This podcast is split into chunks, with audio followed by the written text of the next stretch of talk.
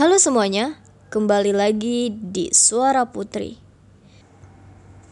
Sahabat, katanya ketika sedih, ia mau menjadi pelipur di kala senang.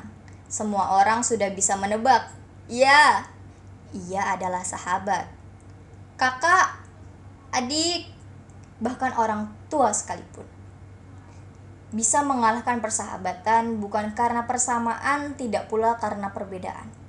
Tapi karena sesuatu yang kadang tidak bisa terucap. Banyak yang buat perumpamaan untuk menggambarkan seorang sahabat seperti sandal.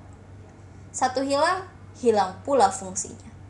Tidak pernah jalan bersamaan namun satu tujuan.